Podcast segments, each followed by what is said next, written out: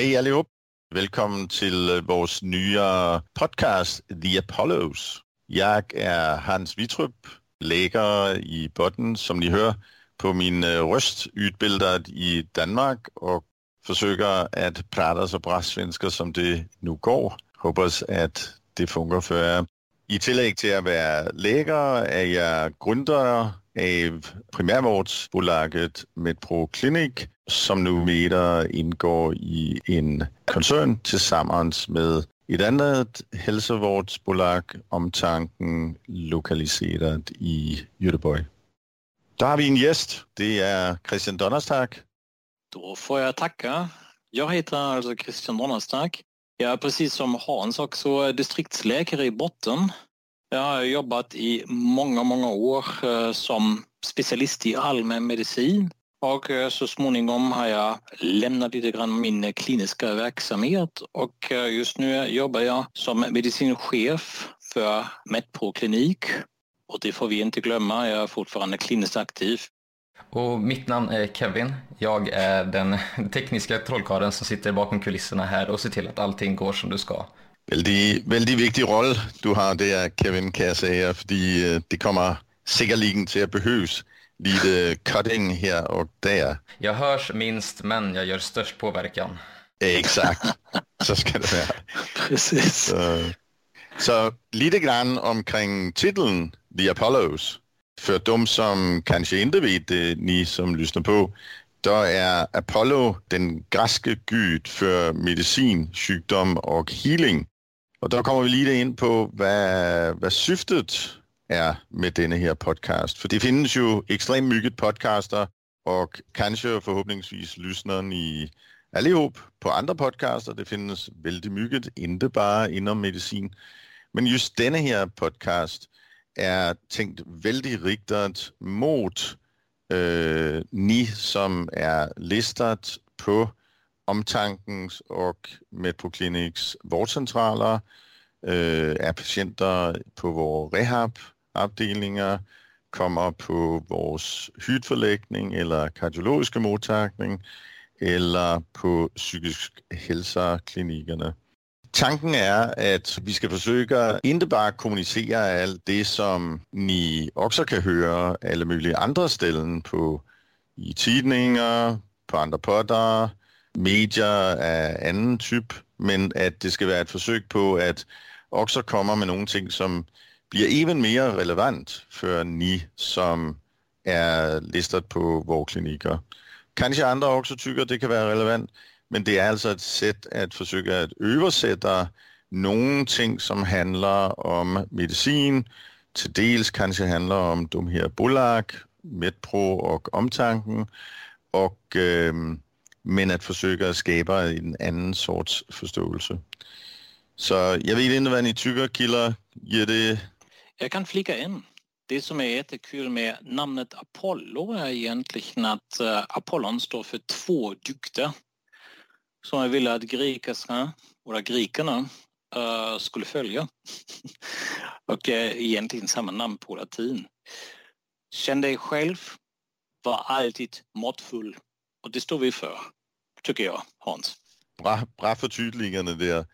Och uh, man kan väl säga att det sådan även mer övergripande syfte, det är väl också just det du uh, kommer in på här Christian, nämligen att at att skapa bedre bättre förutsättningar för att øh, folk kan ta hand om sin hälsa, kan förstå sin hälsa, veta när det är bra att øh, träffa sköterskor, fysioterapeut, läkare, andra hälsovårdspersonal och när man kanske inte behöver at träffa dem. Så øh, i, idag, der hade vi ju ett, et väldigt aktuellt ämne som vi vill äh, øh, börja med Ja, jag tycker vi ska ta upp några frågor som uh, vi tycker i alla fall som är jätterelevanta.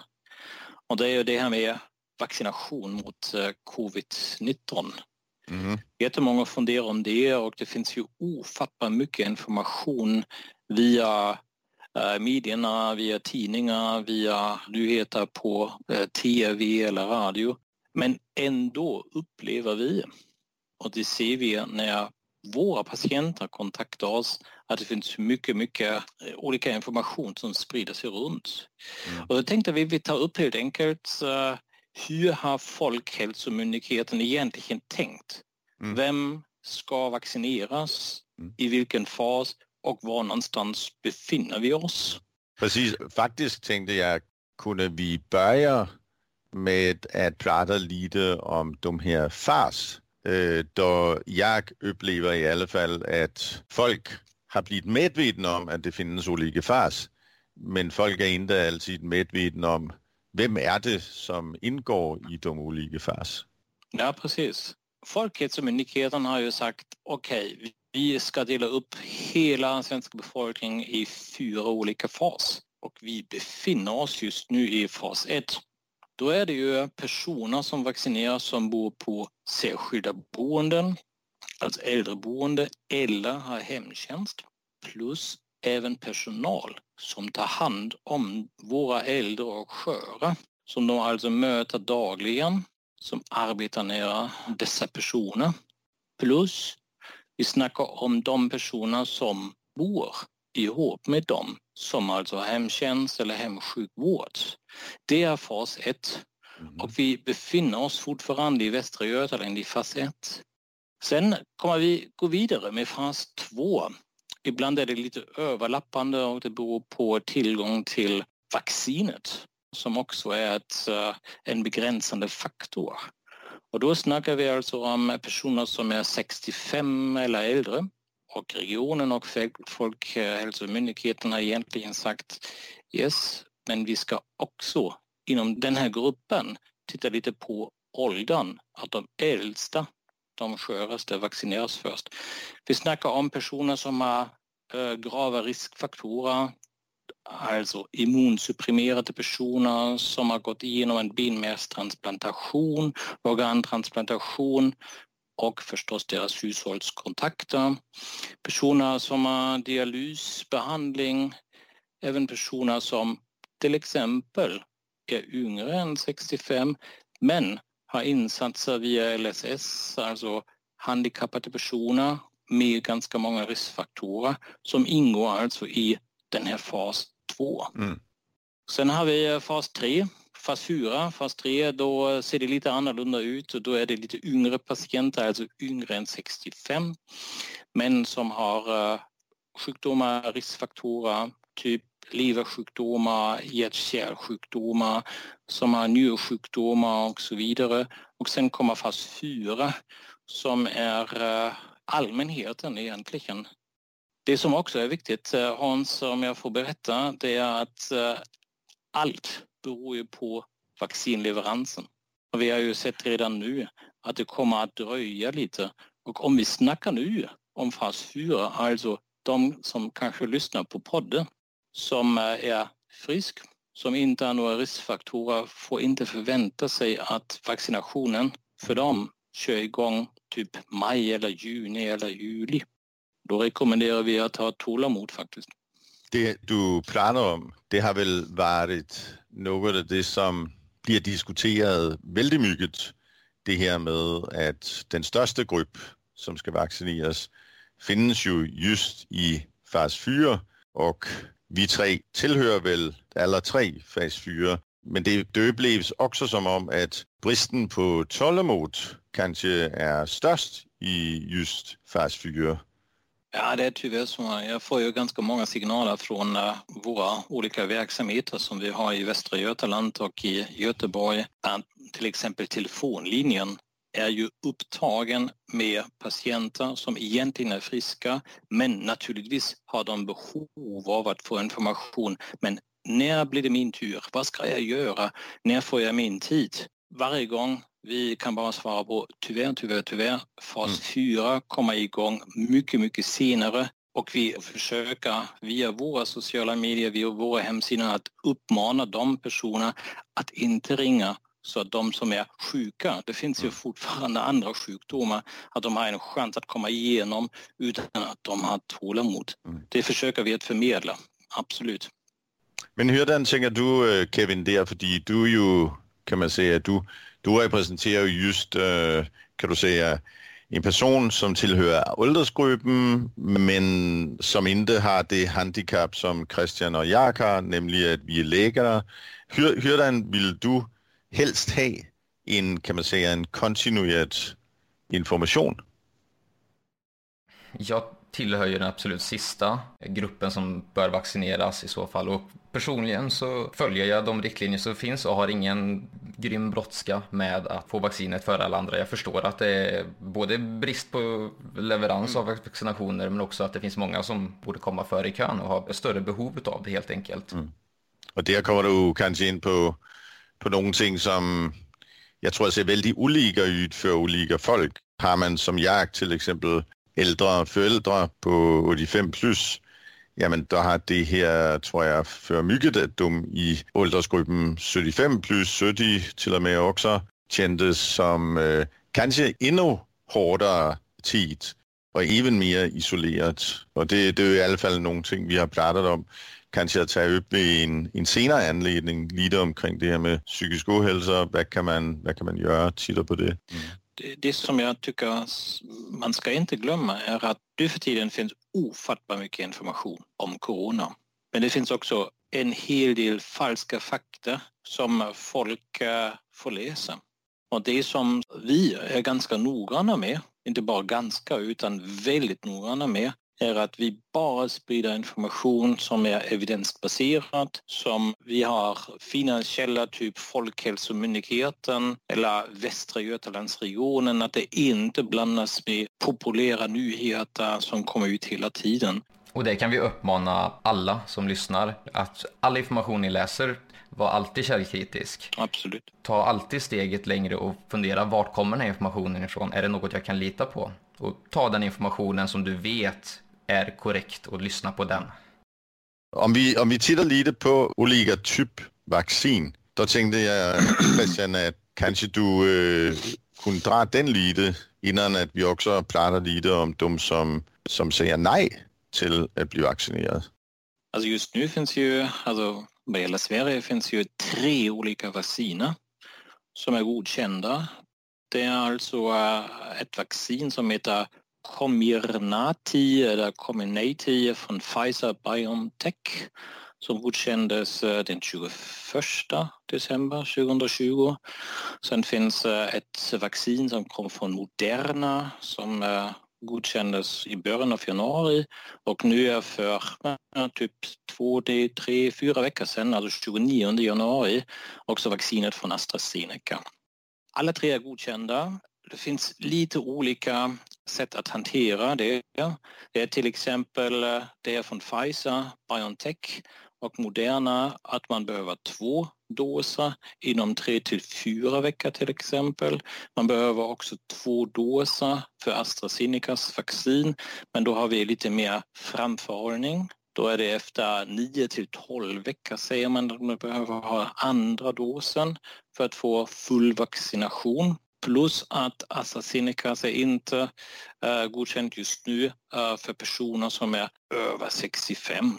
Mm. Men i alla fall, tre olika vaccin som uh, vi har här på marknaden i Sverige och det är ju fantastiskt fint tycker jag.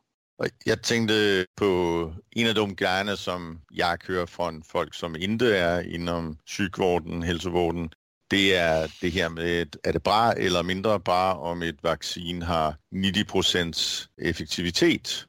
Där tänker jag om, om du inte kunde dra lite sammanläggningen mellan de här vacciner för covid och då vanligt influensavaccin för att sätta det lite i relation till varandra. Mm. Alltså alla tre är ju godkända via en uh, europeisk myndighet och det innebär ju att de måste ha eh, en viss grad effektivitet. Och det, det vet vi inte egentligen hur det kommer att utvecklas i framtiden. Men alla försök, alla undersökningar som har gjort eh, i förväg innan det blir godkänt har ju visat en hög andel en stor effektivitet. Det finns egentligen bara marginella skillnader mellan de olika vacciner som är godkända. Att man eh, till exempel sagt att eh, AstraZenecas vaccin eh, inte ska användas i nuläget för personer som är äldre än 65 beror på att man inte har gjort undersökningar i en åldersgrupp som är äldre än 65. Ja, man vet egentligen ingenting om hade samma effektivitet eller inte, men man är så pass försiktig och det tror jag det är ganska så bra att man säger just nu inte för de som är äldre än 65. Nu avvaktar vi vissa studier och undersökningar och troligen kommer det också att bli godkänt. Tittar man på biverkningsprofilerna på alla de här som man hittills har sett då fanns alltså knappast några eh, riktigt allvarliga biverkningar. Alltså oftast möjligen är det smärta eller svullnad vid injektionsstället. Möjligen har den ena eller den andra upplevt någon trötthet eller muskelvärk eller huvudvärk, ledvärk, frossa feber efter det. Men det är precis samma som man också ser som biverkningsprofil om vi snackar om vanlig influensa, vaccination svåra allvarliga reaktioner har man bara sett på patienter som faktiskt tidigare också har reagerat på eh, vaccinationer. Och eh, då är vi ju ganska så uppmärksamma på att vi efterfrågar tidigare allergiska reaktioner. Att vi vet hur vi ska bemöta det eller att vi säger okej, okay, du får avvakta på det. Alltså just nu biverkningsprofilen på de tre vaccinerna ser inte annorlunda ut än om vi vill jämföra det med vanlig influensavaccin. Plus att man är väldigt, väldigt noga med att samla in alla biverkningsrapporter så att man får en adekvat bild på det hela. Men det var väldigt bra att du sa det här med bivirkningarna, för det var faktiskt också en grej. Jag tror det har varit, varit väldigt mycket hype i uh, tidningar och tv och radio omkring alla de här bivirkningarna.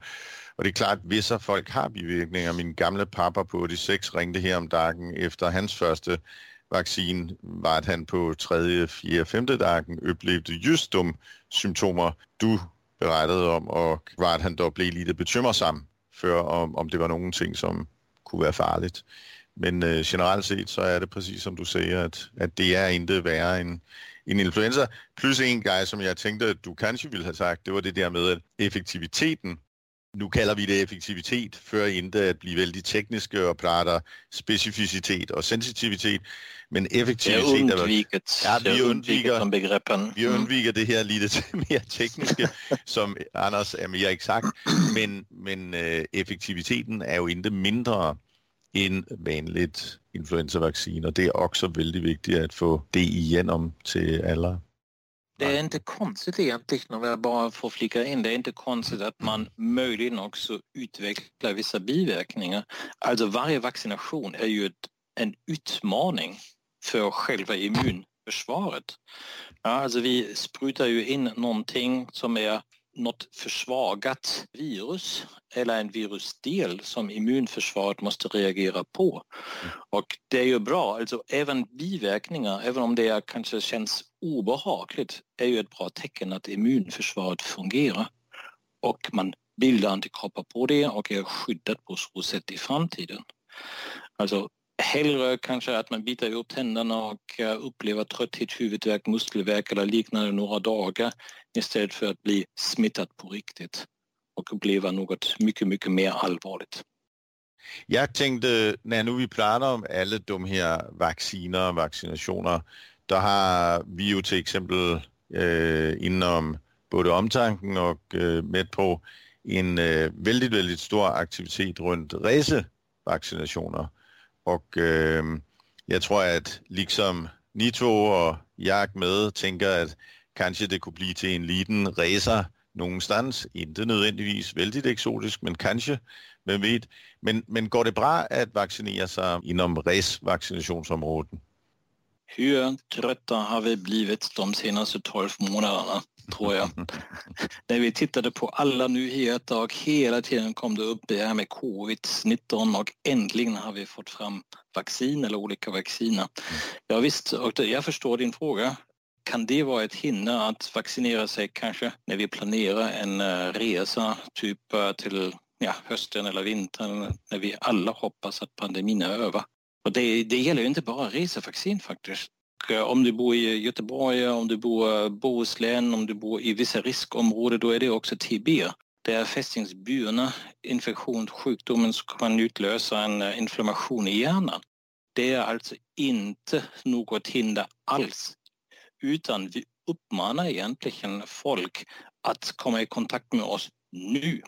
Vi vet att alla de som reser eller kanske de som är äh, riktigt ähm, aktiva och vill gå ut och vill åka till sina sommarstugor och tillhör typ fas 4 eller fas 3, det kommer att ta lite tid. När jag kom i kontakt med alla vaccinationsmottagningar, med vår vaccinationsmottagning låt oss planera resevacciner, låt oss eh, planera TB-vaccinationer eh, mm. så slipper du alla köer. Annars eh, kommer du att hamna i långa, långa vänteköer när alla blir sugna plötsligt att åka när pandemin är över. Och det mm. hoppas vi ju att det blir snart. Jag tror att det kan bli väldigt intressant faktiskt att se både hur vi kommer till att jobba inom vården, kommer till att kan man säga, jobbar generellt i samhället men också hur vi kommer till att resa efter coronan. När man tänker klimat och man tänker det som har hänt nu, där, där är ju absolut några möjligheter och, och kanske vi inte allihop behöver att, att resa världen runt vart, vart varannat år. Så, men, men det får vi ta i vid en annan anledning. Jag, jag tänkte egentligen att vi skulle bara slutter lite av också väldigt närt hemma det här med, nu har vi pratat vaccinationer för covid och andra vaccinationer och uh, hur det ser ut. Men, men hur ser det ut om man har andra sjukdomar eller tycker att man behöver att ha en kontakt med vårdcentralen, Christian? Vad, vad, vad gör man om man har andra sjukdomar? Alltså om jag förstår frågan rätt, det som vi är ute efter är att informera alla våra patienter som är listade eller olistade att inte ringa vårdcentralen i onödan så att vi verkligen har tid för att ta hand om både akuta och kroniska sjukdomar som behöver en uppföljning. Superviktigt, tycker jag, är det ju att eh, inte bara jag, utan eh, det som vi redan har gjort på alla våra vårdcentraler.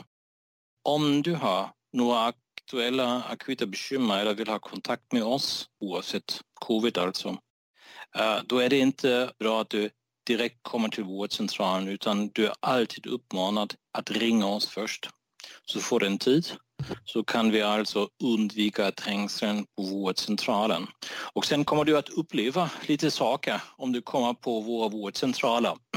Det är alltså inte längre så som, som det brukar vara eller som det var tidigare att bara komma in till receptionen eller vad som helst utan visserligen du måste trycka på en ringklocka eller du äh, kommer till en dörrvakt.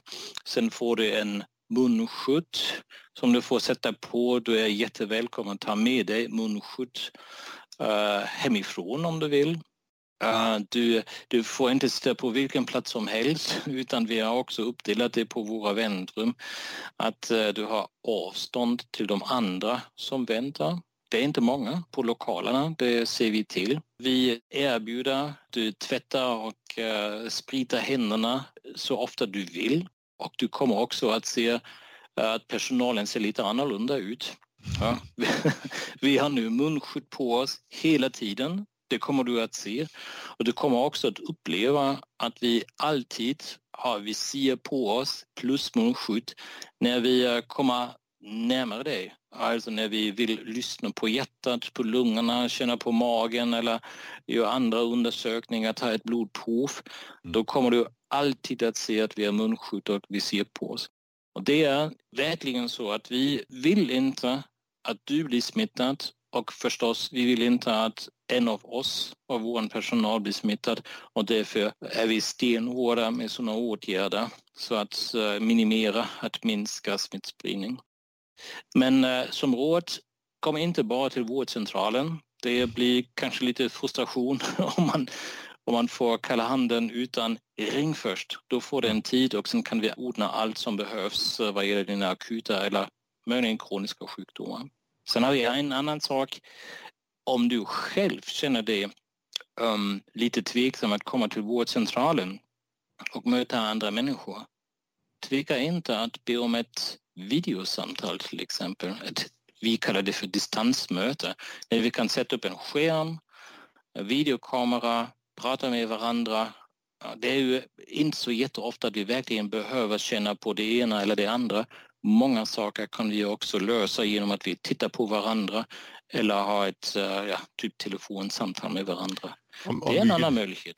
Mm. Precis, och mycket av det som kanske vissa akuta frågor handlar om är väl just, øh, kan man säga, ett bekymmer omkring grejer som kanske inte behöver att vi som läkare eller sköterskor känner på folk, men att man behöver prata med någon som kan ge lite råd på det. Precis. Mm, precis.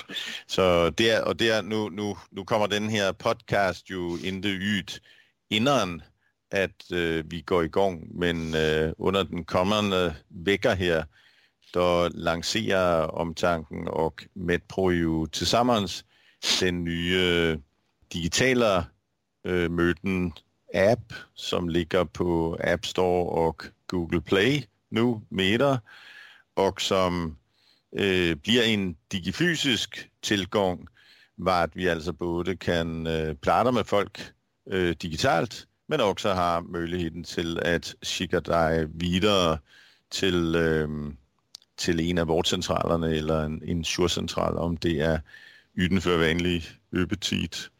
Øh, der findes det jo en del, som kanskje allersidste vi kunne prata om her i dag i alle fall, en del som bliver som efter att de har blivit drabbat av corona också behöver lite assistans efteråt. Har du, har du någon goda råd där? Ja, men det, det tror jag. Alltså regionen var ju ganska så tidigt ute med rekommendation hur man ska bygga upp det. Om jag minns rätt då var det redan maj 2020 när Socialstyrelsen kom ut och säger okej, okay, vi vet att en hel del patienter som till exempel var inlagt på sjukhus som uh, fick inhalationsbehandling och så vidare, de behöver ha lite extra hjälp uh, för att uh, återhämta sig, för att rehabilitera sig. Och det mm. såg man ju framförallt i de här åldersgrupperna eller patientgrupperna som hade underliggande sjukdomar, typ högt blodtryck, hjärt-kärlsjukdomar, lungsjukdomar, mm. fetma, diabetes och så vidare. Och uh, de rehabmottagningar som vi uh, har um, uh, i, i vår koncern som är kopplade oftast till våra vårdcentraler, de har ju inte bara börjat utan de har, eller de erbjuder ju precis mm. den här typen av träning, rehabiliterande insatser så alltså det är typ andningsträning, träning och, eh, av fysiska förmågor, aktivitetsförmågor, nutritionsinsatser, utprövning av hjälpmedel. Det är någonting som är redan etablerat. Och då är det bara min utmaning att de patienter som alltså har kommit från sjukhus Oftast har man nu initierat någon form av rehabinsats redan på sjukhus men så blir det glapp innan det kommer vidare att de kontaktar de rehabmottagningar inom primärvården så att man kan fortsätta med de här viktiga insatserna. Mm. Det finns en hel del undersökningar som alltså verkligen visat hur skillnaden kan se ut efter man har gått de här rehabinsatserna eller om man har inte gjort det.